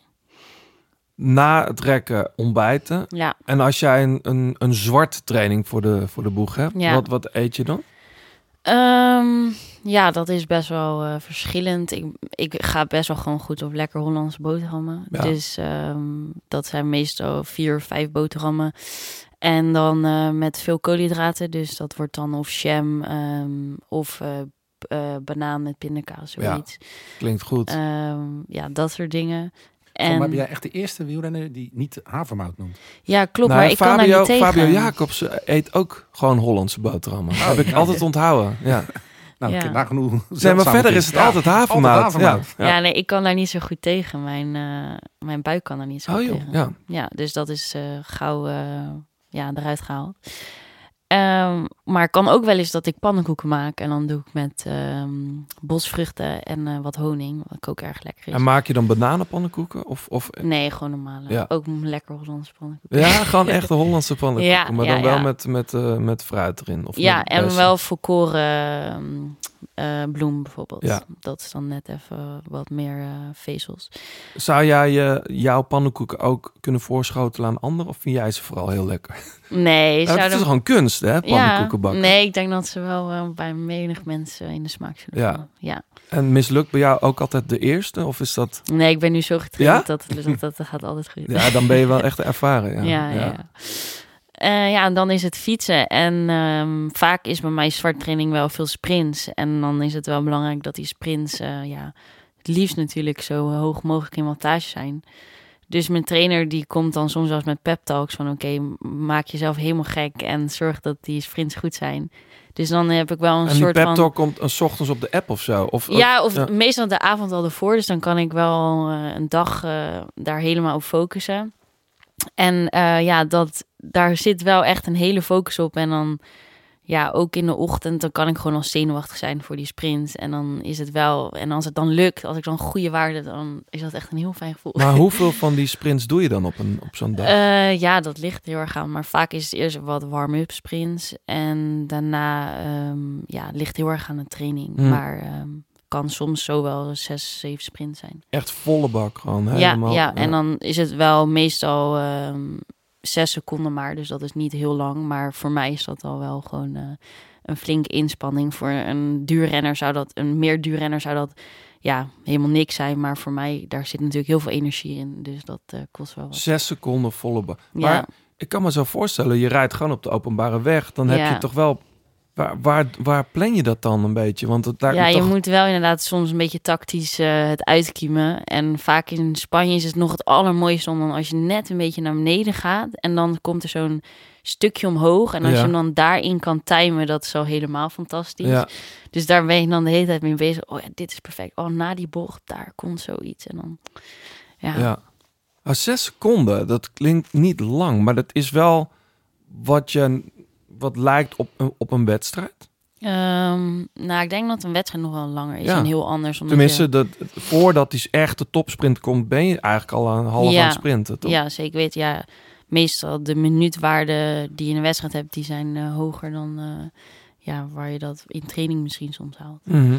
Maar het is niet zo dat je de wedstrijdwaardes moet halen in een training of zo. Eh, nee, want in training haal je vaak op sprint sowieso hogere wattages dan Mhm. eh, in de wedstrijd. Omdat je dan dus ja, vanuit ja, rust of rustig aan begint. En in een wedstrijd zit je al op hartslag, eh, ja, weet ik wat, eh, voordat je überhaupt gaat sprinten. ja. Hoe laat kom je thuis na een zwarte training? Eh, ja, ligt eraan hoe lang. Als het vier uur is, dan ja, kom ik rond een uur of twee natuurlijk Mhm. thuis. En dan is het even snel iets van proteïne en ehm, eh, vocht naar binnen. Dan even douchen op mijn dode gemakje. En dan de lunch maken. En Ja. dan eh, probeer ik daar wel altijd eh, de laatste tijd wat warmer te eten. Dus eh, pasta of iets van couscous of ehm, ja...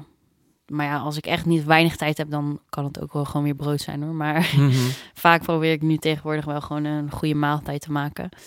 En dan is het eigenlijk rusten en dan ehm, een beetje avondeten maken. Vroeg slapen. Maar als jij bijvoorbeeld 's middags dan pasta maakt, eet je dan s'avonds dat ook weer? Eh, ja, dat kan. Ja. Ja, oh, nee, maar ik bedoel, een, een normaal mens zou zeggen, als ik 's middags een bord pasta eet, doe ik s'avonds eh iets kleins. Ja, nee. maar dat nee, geldt nee. voor jou niet. Nee, nee, nee. Dat heb je echt nodig. Ja, het ligt er natuurlijk ook wel een beetje aan. Als je die dag daarna weer lang moet, dan eh, zeker. Maar als je die dag daarna rustig hebt, dan zou je wel ietsjes, ehm, ja, in de avond ietsjes minder koolhydraten kunnen eten. Ja. Maar ja, vaak is het wel ehm, gewoon eh, van, toepas- van toepassing om dubbel eh, goed te eten. Maar ge- ge- gebruik je ook zoiets als een food app of eh, wat ze bij Jumbo-Visma doen? Eh, nee, ik heb wel heel erg nauw contact met onze diëtist van de ploeg. En vooral deze zomer zijn we daar heel erg hard aan de slag mee geweest. En dan heb ik wel schema's, zeg maar. Eh, maar die schema's zijn altijd een, ja, een rode draad, zegt ze. En ehm hongerlijden, dat gaan we sowieso niet doen. Dus als ik in dat schema staat bijvoorbeeld vier boterhammen... maar ik heb nog steeds heel veel honger, dan eh, zegt ze, pak er gewoon twee bij. Dus dat is ook heel erg op gevoel. eh, en heel erg luisteren naar je lichaam juist. Ik bedoel, dat is hetzelfde met trainen. Je kan Mm. wel gewoon een schema volgen, maar zo werkt het natuurlijk niet. Nee. Is je fiets, eh, die is dan nog niet schoon, hè? Nee, nu nog niet. Nee. Nee, Eh, eh, maak je die na elke training schoon? Ehm, nee niet als ik in Spanje ben al helemaal niet, want er wordt het niet schoon. Maar nu in Nederland, eh, ja, dan wel. Dan moet het wel, je bedoelt met de regen, de ja, herfst en zeker. zo. Ja. Ja, ja. Ja, maar ik kan me ook voorstellen, juist als sprinter, en je, je, je, dan moet je zo vertrouwen op je materiaal. ja, dat is zeker waar, ja. Want heb jij, hoeveel fietsen heb jij thuis? Eh, ik heb een tijdritfiets, een mountainbike en ehm, mijn gewone wegfiets. Ja. Mijn trainingsfiets. Ja. En de mountainbike gebruik je voor je plezier of is dat ook een training?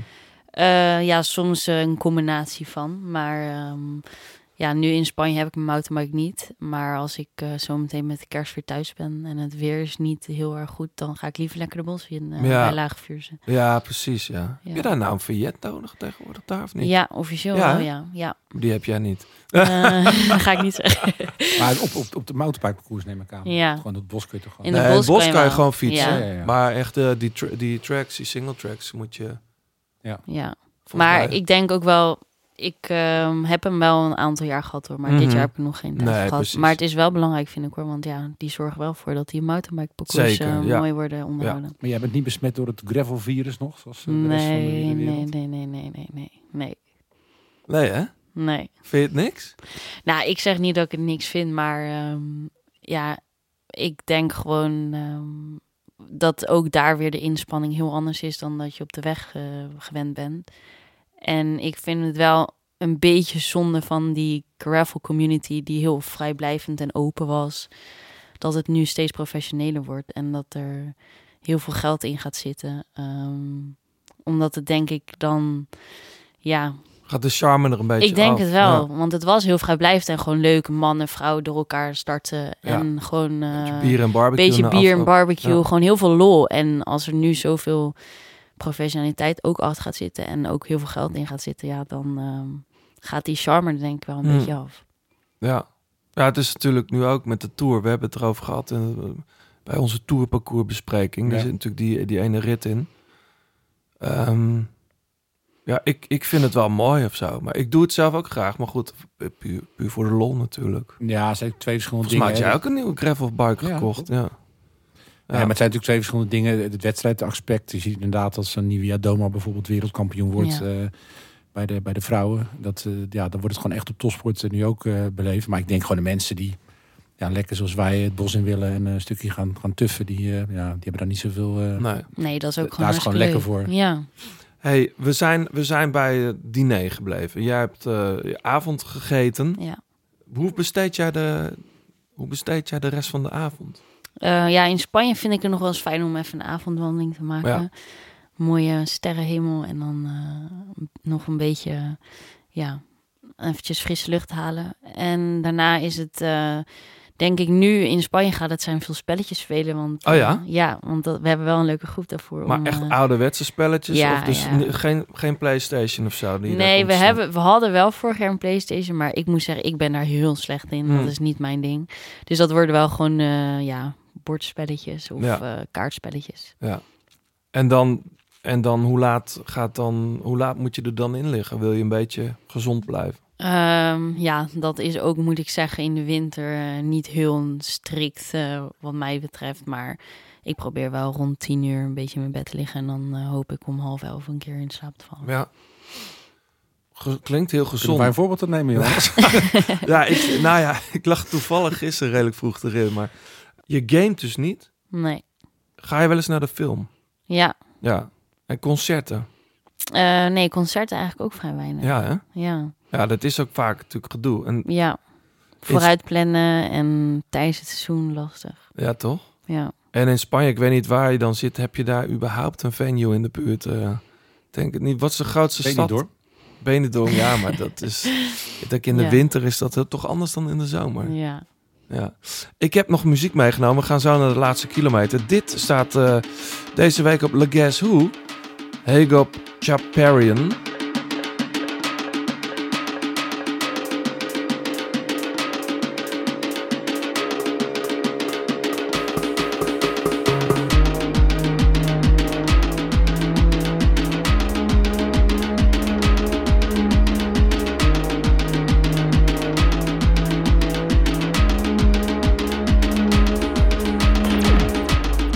Guess Who is hier weer in de stad volgende week. Vier dagen lang. Ook heel veel eh, side programming. Of hoe zeg je dat? De- de- ja, Ja. Programmering. randprogrammering. Ja. Wat, eh, na- wat naast Le Guess Who is het door de hele stad heen. Dit staat volgens mij ergens zaterdagnacht. Maar ik heb het schema nog niet helemaal bij me. Voor de mensen die het niet kennen, is echt een ontdekkingsfestival. Hè? Lekker onbekende bandjes. En Heel veel onbekend. Ja, het is, zit soms op de. Ja, het is eigenlijk van alles uit de hele wereld ook Ja. vooral. Dus veel experimentele dingen.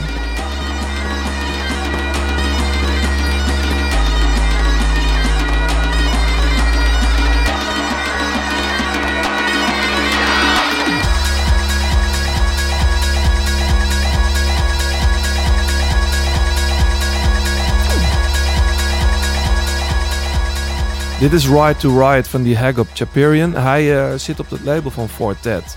Ah ja. Was vroeger gitarist in een punkbandje en nu maakt hij dit. Hier kan je wel op trainen, Charlotte. Ja. Huh? 20 minuten test.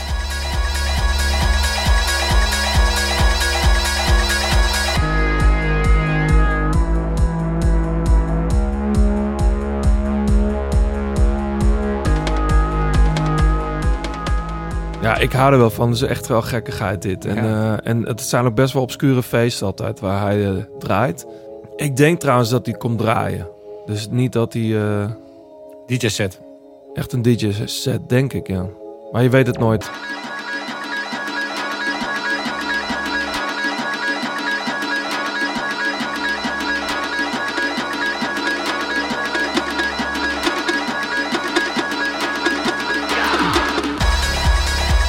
Je luistert nog steeds naar De Grote Plaats. Alle liedjes in deze en vorige afleveringen luister je in zijn geheel terug in de playlist De Grote Plaats Songs op Spotify. Ja, voor mensen die naar Guess Who willen, de tickets zijn volgens mij al eh, een jaar lang uitverkocht. Maar eh, soms komt er nog wel eens iets vrij. Dus houd het in de gaten. Het is echt een leuk festival. Ben je er wel eens geweest? Tuurlijk. Ja. Ik eh probeer elk jaar even een paar dagen te zijn. Maar, ehm, en je ontdekt vooral echt heel veel wat je zegt. Er staat zoveel in de lijst wat je niet kent. eh, of heel vaag kent. Er staat ook wel wat bekendere namen. James Holden zag ik er al bij staat. Die, eh, ehm, die daar ook een eh, project doet. En ehm, hartstikke leuk om, om dat even te checken als je in de buurt van Utrecht bent.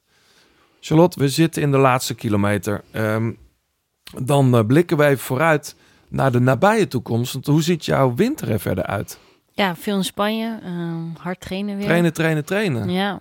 Zwart-wit. Zwart-wit, om naar de volgende doelen te trainen. Ja. Ja, en wat zijn die doelen? Nou ja, wat ik net al zei, ehm, de tours, prog- ja, tourparcours natuurlijk, eh, ja, voor mij eh, fantastisch. Dus Ja. eh, dat wordt zeker een heel groot doel. En eh, de Olympische Spelen misschien wel. Ja, want daar hebben we het nog helemaal niet over gehad. Nee, Het, ik hoor eh, heel veel vrouwen erover dat. Ja, en mannen ook trouwens, maar bij de vrouwen ligt het nog weer anders. Omdat de Olympische Spelen natuurlijk voor de Tour zijn. ja. Hoe ga je goed zijn op de Olympische Spelen als je de eerste drie dagen van de Tour ook goed wil zijn? Ehm, nou, op zich ligt het niet zo ver uit elkaar, denk ik. Dus, een week eh, tussen toch zo? Ja, dus ik denk op zich dat je dat best wel kan combineren en dat het echt goed te combineren valt. Ehm, maar ja, dat is allemaal als, als, als. Ehm, en de Olympische Spelen, of ik daar mag rijden, heb ik natuurlijk zelf helemaal niet in de hand. Nee. Ehm, ik zou het heel graag willen en ik ehm, denk dat het parcours zeker wel te doen is. En dan moet ik zeker nog wel wat stappen maken, maar ehm, daar ben ik ook van overtuigd dat dat wel gaat lukken. Het is een beetje punchersronde, toch? Ja, ja, zitten ehm, in het begin best wel veel eh, korte klimmetjes in, maar ze zijn allemaal best wel kort. Dus dat is een beetje het voordeel. Alleen een Olympische Spelen is natuurlijk een hele rare wedstrijd, omdat je een hele kleine ploeg hebt. En heel veel meiden individueel zijn, ook heel veel goede meiden individueel zijn. Dus ehm, het is een hele lastige wedstrijd. Dus ja, ik heb geen idee wat de bondscoach daarin beslist, wat eh, zij de beste keuze vindt. Ja, en wie wordt daar de kopvrouw eigenlijk? Ja, Want precies. dat, dat is volgens mij nog niet, niet zo makkelijk. Nee, nee het is wel volgens mij dat klimmetje naar Montmartre, dat, dat in, in, de, in de ronde zeg maar, dat Over die steentjes. pittig is, ja. Ja. Ja. Nee, dus het is, ehm, het is natuurlijk een super mooi doel. En eh, de finish is eh, voor de Eiffeltoren. Ja, perfect man. Dus eh, ja, dat is wel een droom natuurlijk. Ja, Maar ja, daar heb ik niet zoveel in de hand. Het enige wat ik kan doen is het hele seizoen laten zien dat ik dat zou kunnen. En ehm, ja, daar ga ik dus heel hard voor trainen deze winter. ja. Jij was al op trainingskamp of was dat meer een soort van teambuildingsweekend of week? Teambuildingsweekend. Wat ja. hebben jullie gedaan?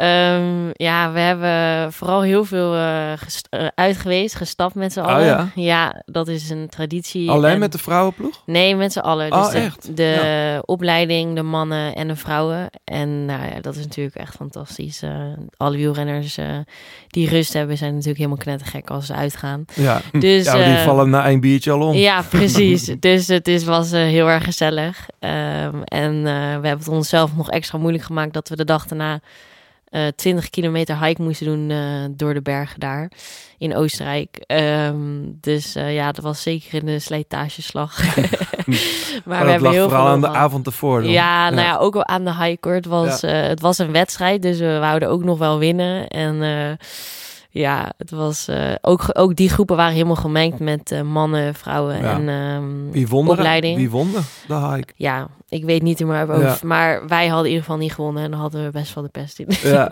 zo hoort het ook. Ja. Ja. Maak je ook nieuwe vrienden dan? in zo'n, eh, Ja, ja, tuurlijk. Je leert eh, veel meer kennen. Ik zat veel bij Fabio in de groep en eh, dan spreek je ook even met Fabio. En, eh, oh ja, dat, die draait ook daar volgens Mhm. Ja, Ervan. hartstikke leuk. Ja. Dus eh, ja, we konden wel even gezellig praten over sprinten en eh, over andere dingen. Dus nee, dat was echt heel erg leuk.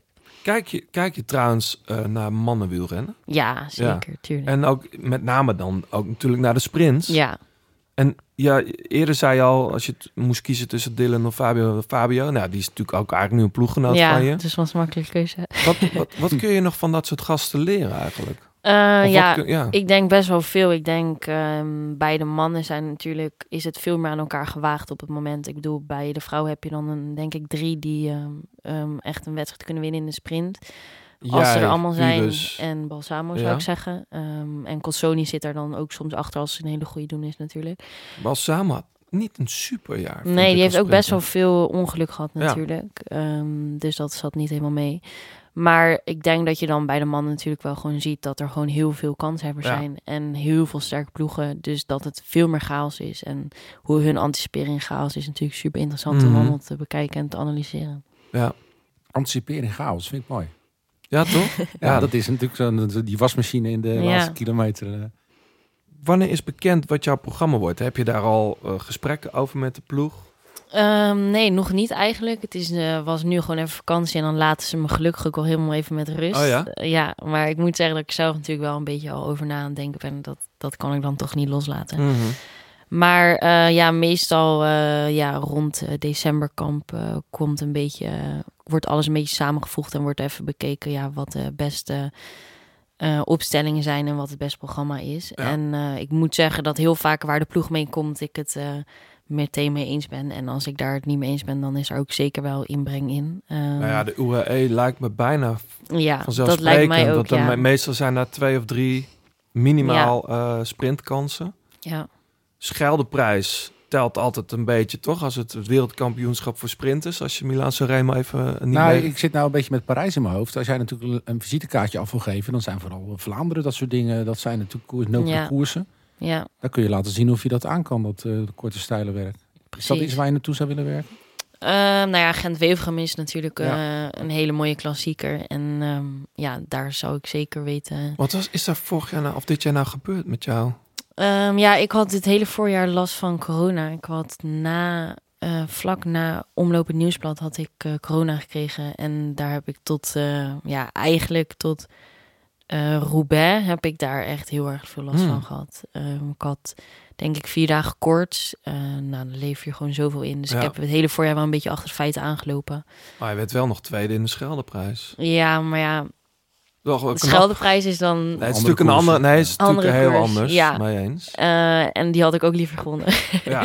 Maar nee, ja, ik denk ehm, dat was voor- afgelopen voorjaar gewoon echt heel erg jammer. Maar ehm, als je dan kijkt naar de zomer, dan heb ik er, ja, het was wel de best moment om iets ja, tegenvallends te hebben ja. in het voorjaar dan. Ga jij als sprinter eigenlijk ook op hoogte stages? Ehm, nee, dat hebben we afgelopen jaar eigenlijk niet gedaan. Ehm, dit jaar eh, gaan we daar weer opnieuw naar kijken met de ploeg, denk ik. Daar maakt de ploeg gewoon een afweging in van passen tussen je programma en is de meerwaarde groot genoeg om eh, dat te gaan doen. Omdat je best wel specifiek natuurlijk moet trainen. Een aantal dagen op training mis, omdat je moet wennen. Ehm, en ik moet wel nog steeds vlak kunnen blijven rijden. ehm, wat op hoogte vaak lastig is. Ehm, dus er zit ook heel veel logistiek in. Misschien met de auto naar beneden en om vlak te kunnen trainen. Ja. En afgelopen jaar heb ik eigenlijk in Spanje gezeten met... ehm, ja, het was heel warm, 35 graden. En eh, die warmte, dat eh, deed me eigenlijk ook wel gewoon echt heel erg Oh goed. ja? Ja. Maar hoe zit oh, heeft dat invloed op je spieren of zo? Of hoe werkt dat? Ehm, nee, het, is, het schijnt steeds maar uit onderzoeken te zijn dat ehm, ja, hele hoge warmte een soort van hetzelfde effect kan hebben als hoogte. En Echt waar, joh? ja, ik ervaar daar wel eh, ja, een beetje hetzelfde in als in dat. Omdat je eh, lichaam anticipeert op... op Ja, ze maken net als op hoogte volgens mij extra eh, wit of rode bloedcellen aan. rood zo dan. Ja, rood. En dan, ehm, ja, dus dat effect is een beetje vergelijkbaar met wat je creëert op hoogte. Oh, joh. Ja, dus dat- Interessant. Ik ja, wist dat helemaal niet. Nee. Ja. Ah, je wordt sowieso anders wakker in een land waar het lekker het zonnetje schijnt. En, Precies. eh, Nee, maar Het daar kan ik me iets heel bij voorstellen. Ja. Ja. daar kan ik me iets bij voorstellen, ja. Hey, volgend jaar wordt natuurlijk ja, sowieso een heel belangrijk jaar voor jou. Ook dat je echt kunt levelen met Wiebes. Hè? Want Ja. ik bedoel, eh, zij heeft je natuurlijk vaker geklopt dan jij haar hebt geklopt. Waar, waar kun jij persoonlijk nog in groeien? Ja, goede vraag. Nee, ik denk in heel veel. Ik denk, ehm, ja, wat ik zeg, nog wat zwaardere wedstrijden aan kunnen. Gent-Wevergem aan kunnen. Ehm, ja, de fouten die ik bijvoorbeeld dan nu in de Tour maak, dat ik die niet meer maak. Dus Dus dat, puur tactisch. ja, ja, niet eens zo tactisch, maar gewoon op... Wat ik dus al zei, je moet soms gewoon tegen die lamp aanlopen om het nooit meer te doen. En eh, ja, in de Tour was een eh, hele dure fout. Maar, Heeft, had het ook met druk te maken? Eh, nee, dat wil ik dus niet zo zeggen. Hm. Want op zich op dat moment voelde ik niet de, een andere druk die dan dat ik zo normaal zou vullen, eh, Hm. voelen. Maar ik denk gewoon dat het een combinatie was van dat we doordat we moesten achtervolgen niet echt meer een lead-out hadden. En ehm, ik gewoon op dat moment niet scherp genoeg was op wat er achter me gebeurde. Ja. Ik zou zeggen, volgens mij zijn we rond, John. Zeker. Ik, eh, wordt er nog kerst gevierd in, eh in Huizenkool? Ja, zeker. Ja? Dus dan ben je weer terug in Nederland? Dan ben ik weer terug in Nederland. Ja, en, eh, maar de rest eigenlijk, de, de rest van de winter gewoon lekker in Spanje. Ja, heerlijk. Maar is het, daar blijf je ook vanuit eh, naar wedstrijden gaan en zo? Of? Eh, ja, dat is nog even kijken wat het beste uitkomt. Maar dat is ja, wel de bedoeling eigenlijk. Eh, Ja. Ik denk het voorjaar dat we wel vooral in Sittard zitten. Omdat het anders gewoon te veel heen en weer naar Spanje gaat zijn. Mhm. En we vertrekken altijd met de bus vanuit Sittard. Dus ehm, dat is qua reizen voor ons heel erg makkelijk. We hoeven Ja. in te stappen in de bus. En we worden naar overal toegereden. Ehm, maar ja, wel zoveel mogelijk lekker in de zon trainen is wel de bedoeling. Ja, Ja, toch? ja. Ja. Wat een leven. Hè? ja. Dat zijn wel zwarte trainingen, hè, John? Ja, hallo. Ja, Nee, Het het is- een heel mooi leven hoor. Daarom, daarom dat ik het ook met zoveel liefde doe. tuurlijk. Hey, we, we houden je in de gaten. We zijn heel benieuwd. 12 augustus staat bij ons ook in de agenda. En de, de 13e ook natuurlijk. Ja. Eh, heel benieuwd hoe dat gaat zijn. Ehm, Ja. En nogmaals, ontzettend leuk dat je, er, dat je er was. En heel veel succes. Ja, dankjewel. Heel erg leuk dat ik hier mocht zijn. Dat was een eer. Eh, wie weet tot snel weer een keer. Ja, wie weet. Hoi. Doei. We gaan nog mensen bedanken, Johannes. We gaan nog mensen bedanken. Ga jij je gang. Ja. Eh, eh, uiteraard onze titelsponsors Garmin en Tax. Fleur Wallenburg voor het uitlenen van haar prachtige stem. 36 Cycling voor de fietskleding die je hier kunt winnen en bestellen. En jullie bedankt natuurlijk voor het luisteren. Laat even een reactie achter op Spotify, eh, Apple Podcast of Insta. En wie weet hou je volgende keer de podcast. ja. Dus En nu wil zijn we echt klaar. nu zijn we echt klaar. Nou, ik wou nog één ding zeggen. Je kunt dus ook supporter worden. Zelf van de Grote Plaat. Ga dan naar petjeaf.com slash de Grote Plaat.